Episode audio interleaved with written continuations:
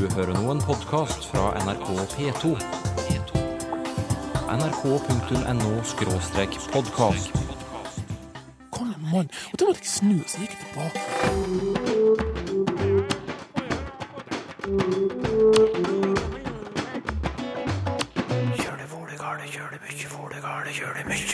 Nynorskbruker hos NRK i Nord-Norge får kjeft av lyttere.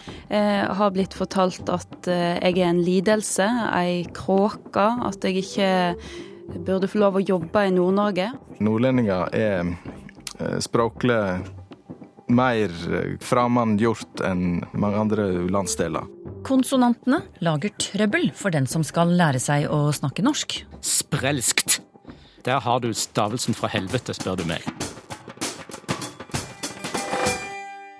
Se her, Sylfest Lomheim, en lytter som spør hvorfor vi kaller magesekken til krabben for pave. Og da sier jeg 1536. Eh, Hvorfor det? Året 1536. Ja, jeg hørte det, men hvorfor? 1536. Akkurat. Tenk deg litt om, du, så tar vi det senere. Hva er det med nordlendinger og nynorsk? Her er NRK Tromsnytt. Respekten for Børre Knutsen vil auke med tida, det tror Kjell Magne Bondevik, som var kirke- og undervisningsminister da Børre Knutsen NRK Troms og Finnmark med nynorsk blir kvalm så det holder. Hva i helvete holder dere på med? Det gløder på sosiale medier. For NRK Troms og Finnmark har en journalist som bruker nynorsk. Hun snakker nynorsk-nær dialekt på radio og TV, og skriver nettartikler på nynorsk. Det får hun mye kjeft for av lyttere. Han som ble kvalm, fikk jeg ikke tak i, men jeg ringte noen av de andre som har ytret seg. Hvis hun ikke vil skrive bokmål, bør hun finne seg noe annet å gjøre. Det går faktisk fly sørover, skrev Fritz Ole Amundsen. Og hvis hun ikke kan prate annet enn nynorsk, ja, da kan jo få seg jobb igjen i et område hvor de prater nynorsk. da.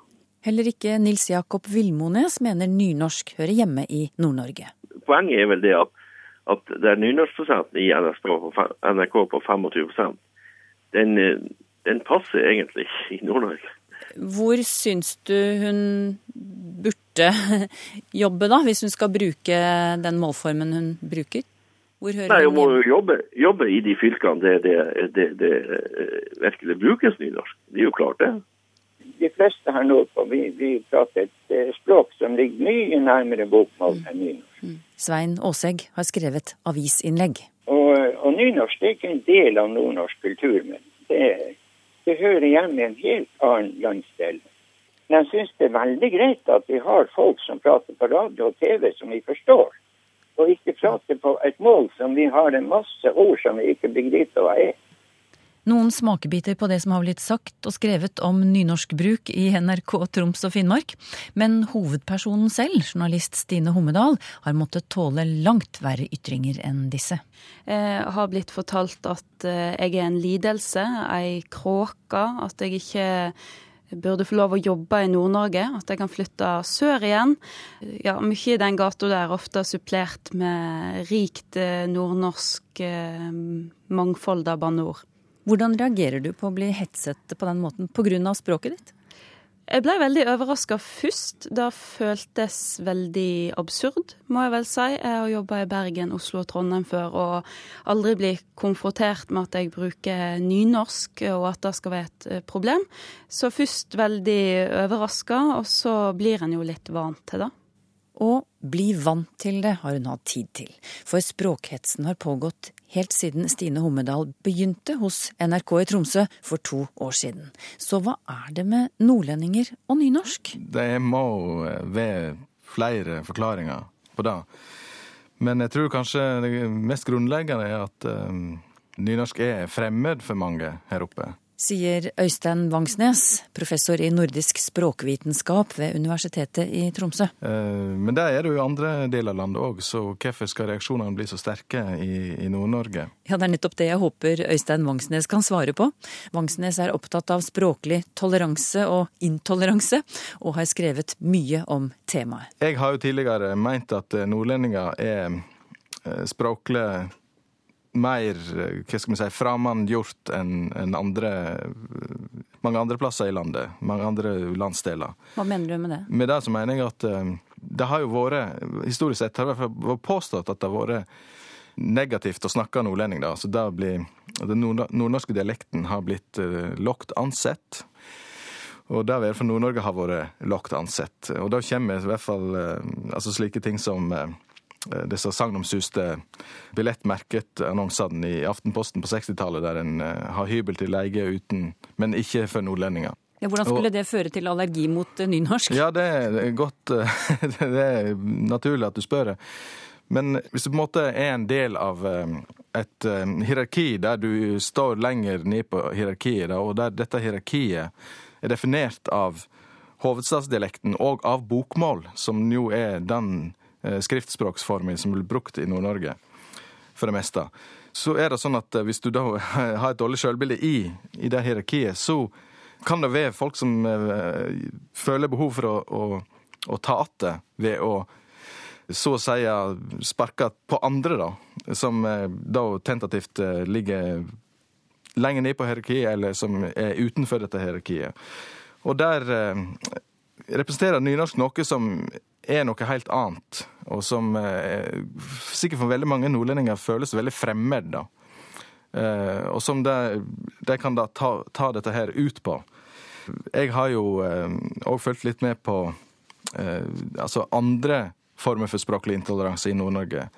Og vi ser jo at eh, blant annet så kommer det opp eh, eh, veldig mye negative ytringer hver gang det er snakk om mer synliggjøring av samisk. Og det er på mange måter den samme type hets som vi ser her, da. En kan selvsagt diskutere om det er akkurat det samme, og om det er det samme folka. Men jeg tror at det er en, en viss sammenheng her, da. Mm. Men den hetsen eh, mot samisk skilting og, og andre, andre, språklige ting som du peker på der, det, det henger vel også sammen med forvaltningspolitikk og altså Det henger sammen med politikk kanskje på en mye sterkere måte enn, en det at noen snakker nynorsk eh, på radioen. Eh, er du enig med det, i det? Det kan nok hende, men ja. En må jo diskutere om, om det er helt ikke noe sammenheng mellom den hetsen som en ser mot, mot det historiske minoritetsspråket mm. Eh, her nord, og den du ser mot, mot nynorsk. Ja. Jeg, jeg, jeg, kan jeg bare få komme med en tanke også, når du eh, trekker fram dette med hvordan nordlendinger ble mottatt på en dårlig måte sørpå for noen tiår siden, for noen generasjoner siden kanskje. Kan det forklare reaksjoner hos dagens eh, ytrere på Facebook og sosiale, andre sosiale medier? De har jo aldri opplevd det selv. Nei, men et interessant spørsmål er jo om, eh, om nordnorsk har klatra på rangstigen, for å si det sånn, da. Og det vet vi jo strengt tatt ikke. Altså, mange sier at, en, at nå er det ikke sånn lenger. Og kanskje er det ikke sånn lenger, men kanskje er det sånn allikevel. Og um, Hvorfor det? Ja, hvorfor det? Altså Det tar lang tid å snu den type eh, hva skal si, holdninger, da. Det er ikke gjort i en håndvending. Mm. Og um, det henger kanskje igjen sa Øystein Vangsnes, professor i nordisk språkvitenskap ved UiT, Norges arktiske universitet. Og for ordens skyld, etter at NRK Troms og Finnmark skrev på Facebook om hetsen av Stine Hommedal, så har hun også fått mye støtte fra nordnorske lyttere.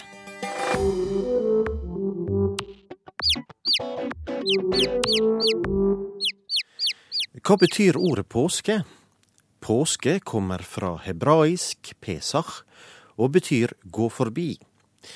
Pesach er ei jødisk feiring til minne om israelittene si flukt fra Egypt. Ordet pesach henspiller på at Herrens dødsengel gikk forbi de husa der det var smurt lammeblod på dørstolpene. Slik blei Moses og folket hans spart. Lærte du å snakke norsk i voksen alder og syntes det var vanskelig? Du sliter kanskje med uttalen fremdeles? Det er slett ikke rart, for norsk tale er vanskelig. I Språkteigen forrige gang hørte du om de mange og rare vokalene våre. I dag er det konsonantenes tur, for de kan skape mye krøll. Ikke sant, språkforsker Jan Christian Hognestad? Det kan de, men ikke av samme grunn som vokalene, for da vi snakket om de sist, så sa vi at uh, det var mange av de, og at Noen av de var ganske rare. Mm. Eh, og når det gjelder konsonantene, så har vi ikke spesielt mange hvis vi sammenligner oss med andre språk. Og de er heller ikke spesielt rare, med ett mulig unntak. Og det er faktisk en kjendis blant norske konsonanter i dag, nemlig kjø-lyden. Ja. Eh, som alle er veldig opptatt av, fordi det faktisk ser ut til at han er på vei ut av språket. Og da kan en si at ja, vi hadde han ikke i norrønt. Og han har vært på besøk hos oss noen hundre år nå, og nå ser det ut til at den eneste rare konsonanten vi hadde, reiser fra oss igjen. Mm. Det får bli et eget tema en annen gang, kanskje. Men som du sier, vi har ikke spesielt mange konsonanter å holde orden på, så hva er da problemet? Da skal vi bevege oss ifra eh, den fagdisiplinen som vi kaller fonetikk, og som jeg veldig mye holder på med, til noe som heter på fint fonotaks. Ja. Og det er ikke hva for noen lyder vi har, men eh, hva for noen lyder som kan stå etter hverandre, hvordan vi kan kombinere de, eh, og hvor mange, i dette tilfellet, konsonanter som kan stå ved siden av hverandre. Eh, Vi skal altså snakke om konsonantgrupper. Ja, hva er det med konsonantgruppene våre i norsk? Eh, jo, det er sånn at da skal vi for et lite øyeblikk ikke først og fremst tenke på ord, som vi vel ofte gjør i sånne sammenhenger, men vi skal gå helt ned og tenke på stavelser. Folk har ofte et nokså intuitivt forhold til stavelser. Ikke sant? Stavelser. Vi kan klappe hvor mange stavelser det er mm. i, i eh, et ord. Eh, En stavelse består jo typisk av en vokal, som er kjernen i stavelsen.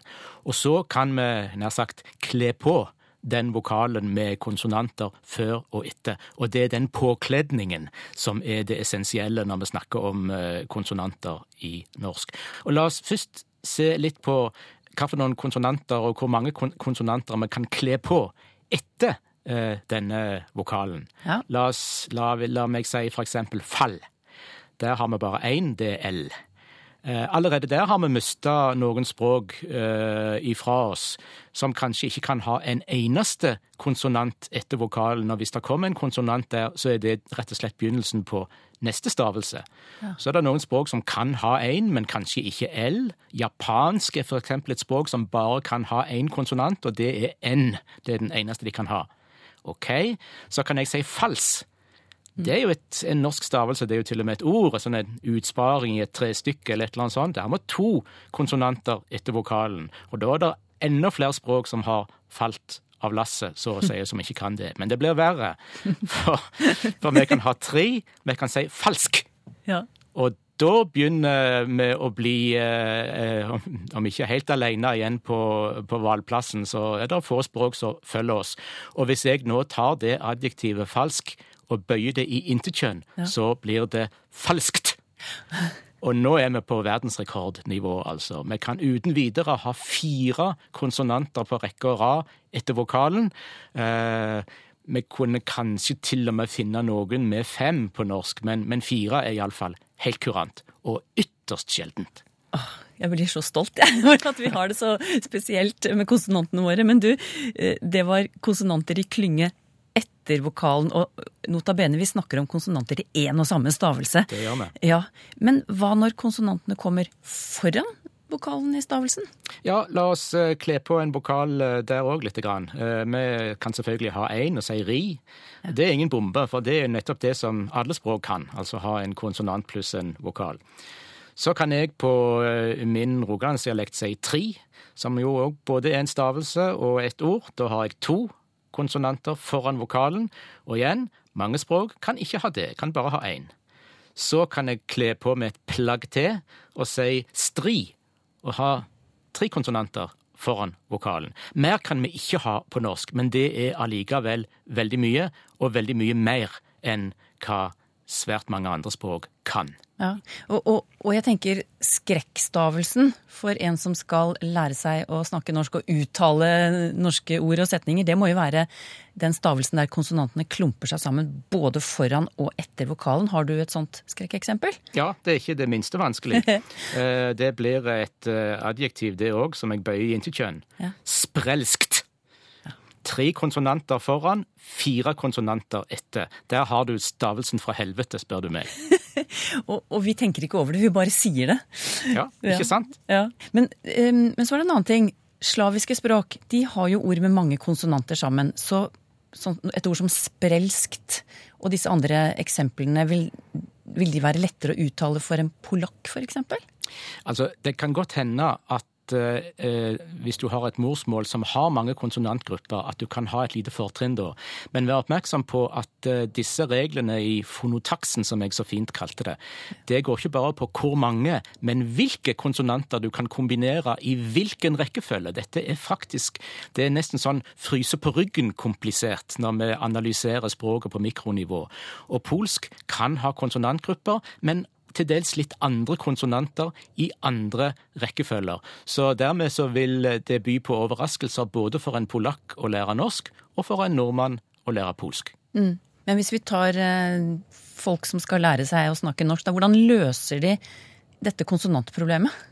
Eh, det løser de veldig ofte ved å bryte opp disse konsonantgruppene og putte inn det vi kan kalle hjelpevokaler. Altså sånn at eh, et ord som bruk, med br eh, i, eh, i begynnelsen der Hvis du f.eks. har farsi som kommer fra Iran har farsi som morsmål, så kan farsi ikke ha mer enn én konsonant foran vokalen.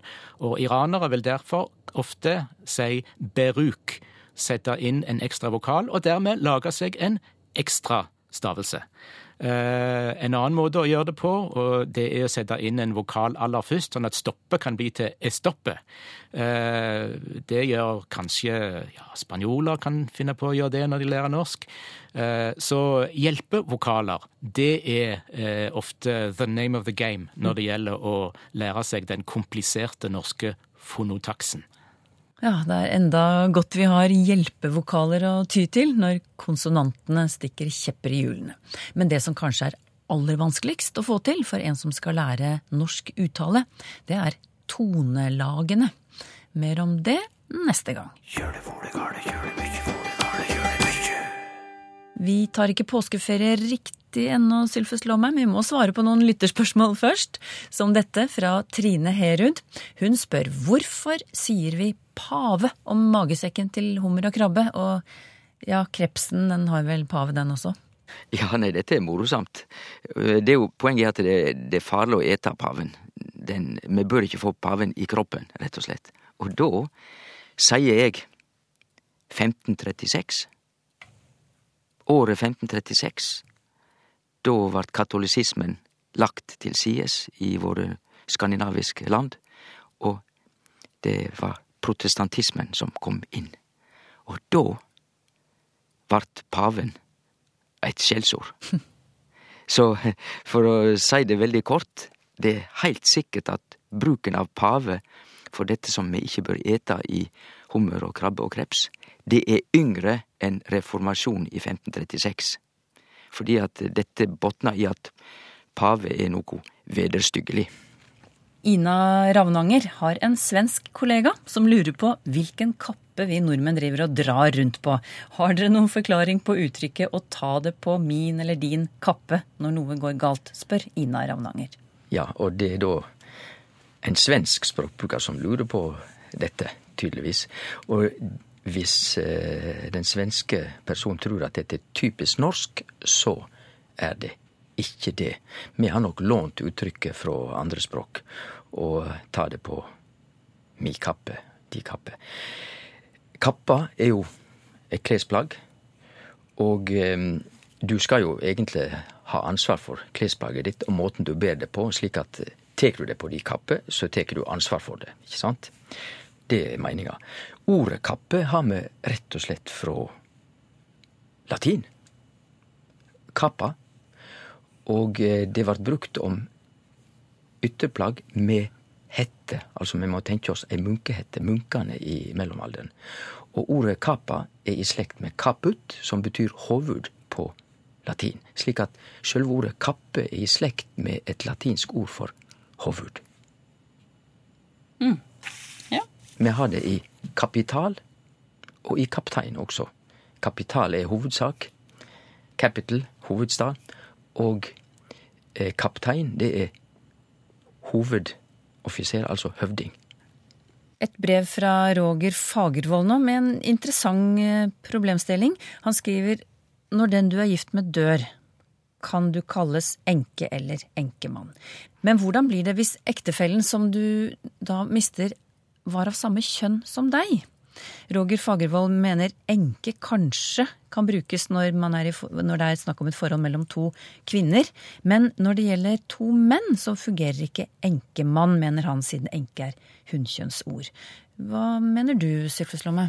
Ja, da bør vel mitt svar inneholde to element. Først bør jeg vel kort forklare ordet enke eller ei ekkja, eh, som det heiter i nynorsk og mange dialekter. Det ordet er faktisk i slekt med òg et heilt vanleg anna norsk ord. Enkel og en, så ei enke er i slekt med og betyr rett og slett det som er åleine. En enkelt gang. Da er det bare én gang, for eksempel. Og så er det enkemannen. Der legger vi til mann til enke. Da er det språkleg kvittert ut. Så er det hva skal vi gjøre i vår tid, fordi at eh, vi er i det moderne samfunnet i den situasjonen at det er mange som, som er gifte, som har samme kjønn, og hva Det kan være to kvinner eller to menn. Og da, for å si det rett ut, så går jo ikke disse gamle orda med enke og enkemann. Det, jeg vil bruke dei om, om eh, mann-kvinne. Sjølsagt. Og punktum. Ferdig med det. Og når det gjelder omtale av, eh, av eh, par som har samme kjønn, så er det egentlig ikke etablert veldig normfast ordbruk. Og det er jo fordi at dette er ganske nytt i det offentlige rom. Og da vil jeg bare rå til å bruke det ordet som vi synst dekker best, og de personene det gjeld, har jo det privilegiet at de kan velja det ordet som de syns dekker det de har lyst til å si. Så de kan si at de har mist kjæresten sin, de kan si at de har mist partneren sin, og de kan sjølvsagt seie at de har mist ektemaken sin eller ektefellen sin. Så jeg tror nok at det skulle være ord tilgjengelig her som er dekkjande. Mm. Men, men, det, altså som et substantiv, altså enkemann eller enke, der uh, har du noe forslag? Nei, jeg har ikke det. Jeg har rett og slett ikke det, for de to orda er ikke brukende, mener jeg. Og da uh, ja. Nei. Hvis en slik person, så ja, nå er jeg aleine. Ja. Jeg har ikke noe annet forslag, men her er ikke det problematisk å finne ord som er gode, men her trenger ikke du og jeg sitte og Nei. finne på de orda, fordi at uh, språkbrukere er kreative og har ofte ja. kvalitetssans. Så her er det opplagt et område der vi trenger flere ord. Kanskje hvis noen av lytterne har uh, innspill her, har forslag eller har egne erfaringer, så kunne det være interessant å høre. Teigen krøllalfa nrk.no er adressen da. Håkon Kryvi spør om forminskende endelser. Han sier de finnes jo i noen språk, f.eks. hollandsk, Ekke, som i Vibeke, Inneke, Jannicke. Tysk kjenn, som i medkjenn. Og i fransk, som i Anette og Fiette. Og sikkert flere, skriver han. Men så spør han er dette fenomenet noe som har eksistert i gammelnorsk eller gammelnordisk, og som er forsvunnet? Ja, faktisk. Håkon Krøvi peker på noe som er interessant. Jeg hadde ikke tenkt over det. Men i moderne norsk så bruker vi veldig lite slike diminutive, altså forminskende, endinger i orda, slik som Metjen og Anette på fransk og Janne, Jannike på nederlandsk. Det er rett, vi sier bare en liten sånn og sånn. Eh, men vi har hatt det i norsk, og vi hadde altså mer av det i for eksempel gammelnorsk enn i moderne norsk. Eh, Tor Erik Gjenstad sa i ei sending for ei stund siden, da han snakka om dialektord, han nevnte ordet, la jeg merke til, liten katt på norrønt. Det var kisil. Og den il-en, det er slik diminutiv på gammelnorsk. Den er ikke i bruk egentlig lenger. Og vi har ordet kjerring på norsk, som kjem fra et gammelnorsk ord karling. Og ling betyr da liten, slik at karling betyr liten kar. Så kjerring betyr liten kar. Konklusjonen er at vi i moderne norsk så snakker vi bare om liten, del, vi sier Matildemor og Hansemann, og det fungerer ofte litt sånn forminskende på en måte, sånn kos. Men vi har i grunnen ikke noe særlig aktive diminutive ordendingar i moderne norsk, og de er jo i andre språk, slik som vi kjenner på tysk og Anette på fransk. Så der er det noe vi slutta å bruke en del i norsk, altså. Per Anders Buen Garnås har i det siste lagt merke til at ordet tankesett blir hyppig brukt av folk i Norge, også i fjernsyn og radio. Han har alltid tenkt at dette var et svensk ord. Så sier han er det plutselig blitt godkjent på norsk også, eller har det gått meg hus forbi at det er et, et norsk ord? Han legger til at hvis han søker eh, på f.eks. Eh, i bokmålsordboka eller i Språkrådets ordlister, så finner man det ikke. Verken på nynorsk, eh, ja, eller på nynorsk eller bokmål, da. Hm. Ja. Nei, jeg er glad for dette spørsmålet, fordi at sjøl om det ikke finst i ordlistene på nett, så lurer jo Per Anders Buen Garnås på om dette ikke er et norsk ord, at det ikke er godkjent. For det er helt klart at tankesett blir brukt på svensk, men jeg sier jo, hvis jeg får spørsmålet kontant, at det er klart vi kan bruke et tankesett på norsk også. Det er jo bygd opp som et helt perfekt norsk ord. Et tankesett og et oppsett og mye annet. Så det kan brukes. Og så er det det prinsipielle spørsmålet til slutt. Vi må ikke ha den holdninga til ord og ordbruk at om vi ikke finner ordet i ei ordliste eller i ei ordbok, så kan vi ikke bruke det. Slik er det ikke, og slik skal det ikke være. Det er mange ord som er fullt gangbare, veldig gode ord, som vi ikke finner i ordbøkene. Det er ikke plass, det har ikke blitt plass til det, rett og slett. Har du spørsmål til Språkteigen? Skriv til Teigen, krøllalfa nrk.no, eller til Språkteigen, NRK P2, 7005, Trondheim. Så finner du oss også på Twitter og på Facebook. Egner kvinnestemmer seg egentlig på radioen? I Sveriges Radio får de klagebrev fra lytterne. Det kan være jobbigt å lyssna på en grupp med kvinner en lengre tid. Så for å undvike at det blir tjattrigt, så bør det være en mann og en kvinne i samme program. Språkteigen om en uke.